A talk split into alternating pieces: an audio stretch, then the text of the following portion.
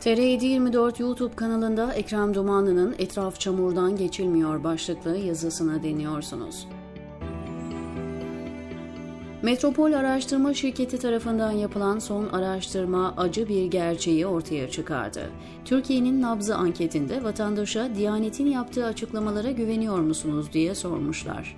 13-17 Ağustos arasında 28 ilde yapılan araştırmada insanların %70.4'ü hayır güvenmiyorum demiş. Olacağı buydu. Siyasetin içine balıklama dalarsan, camileri politik kavgaların arenası haline getirirsen, toplumdaki kutuplaşmaları kışkırtırsan, iktidarın zulmüne ortak olursan itibarın işte böyle yerle bir olur diyebilirsiniz. Hatta daha öteye gidip ölünün arkasından konuşulmaz diye keskin bir gönderme yapıp Diyanetin tepesine mezar taşı da dikebilirsiniz. Ancak mevzu hiç de o kadar basit değil. Öteden beri Diyanet İşleri Başkanlığı ağır eleştiriler almıştır. Varlık nedeni de tartışılmıştır, icraatları da. İroniye bakar mısınız? Geçmişte en çok da siyasal İslamcılar eleştirirdi Diyaneti. Tıpkı YÖK'e yaptıkları gibi. Muhalefetteyken yerden yere vurdular, iktidara gelince nasıl olsa artık bizim deyip tepe tepe kullandılar. Siyasal İslam'ın çok maskeli ve ilkesiz tavrı tam da budur.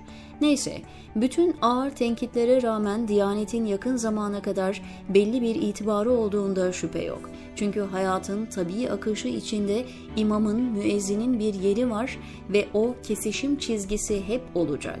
Ya düğünde yolu kesişir insanların ya cenazede. Bazı çevrelerden yükselen eleştiriler halka hiç bu kadar inmemişti. Vatandaş az ya da çok saygı duyardı Diyanete ve çalışanlarına. Onların yalan söylemeyeceğine, halkı aldatmayacağına inanırdı. Daha ötesi halk imam ve müezzin kadrolarını siyaset üstü bir yere konumlandırırdı. Bu kanaatin oluşmasında en önemli pay sahibi Diyanet'in bizzat kendisiydi. Camide siyaset konuşulmaz, Diyanet kadroları siyasi tercihlerini belli etmezdi. Bu tavır nedeniyle her kesimden insan gönül rahatlığı içinde camiye gelir, beş vakitte olmazsa cumalarda, o da olmadıysa bayramlarda Diyanet görevlileriyle mülaki olurdu. Siyasal İslam akımının girdiği çıkmaz sokaklardan biri de camiler, imamlar, müezzinler oldu. Dini siyasete alet etmeyin telkinlerini berhava etmek için dinin kendisi siyasettir dediğinizde kendinizi derin bir uçurumun kenarında bulursunuz. Hele bir de siyaseti belli bir partiyi çılgınca desteklemek olarak anlıyorsanız sizin dine vereceğiniz zararı hesap etmek mümkün değil. Çünkü din siyasete indirgenemez. Dinin geliş gayesi de bu değildir.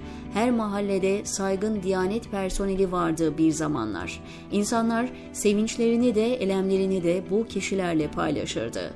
Yaz tatillerinde çocuklarını Kur'an kursuna gönderir, bu insanlara emanet ederdi, güvenirdi çünkü. Şimdi ne oldu da onlara olan güven dibe vurdu.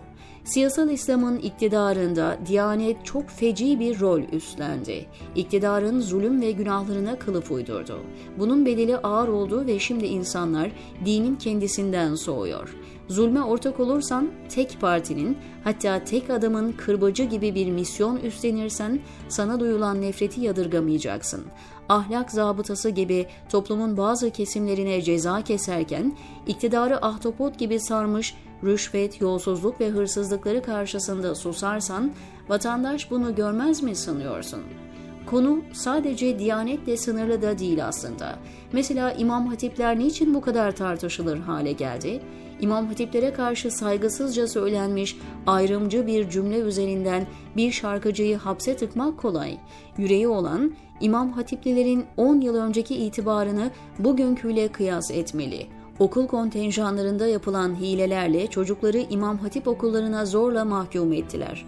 Oysa bu okulları bir zamanlar ağır bedel ödemeyi göze alan aileler tercih ediyordu. O zaman da sorunlar vardı ama hiçbir dönemde bu kadar namazsız, niyazsız, imam hatipli olmadı o okullarda. İnsanların güvendiği, en azından sempatiyle baktığı imam hatip öğrencilerinden geriye tek parti rejiminin papağanı haline getirilmeye çalışılan bir zümre kaldı maalesef.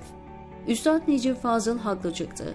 Hohlaya hohlaya buz dağlarını erittik, şimdi etraf çamurdan geçilmiyor demişti. Aynen öyle oldu. Diyanet anketi devlet eliyle toplumu dindarlaştırma politikasının nasıl iflas ettiğini gösteriyor.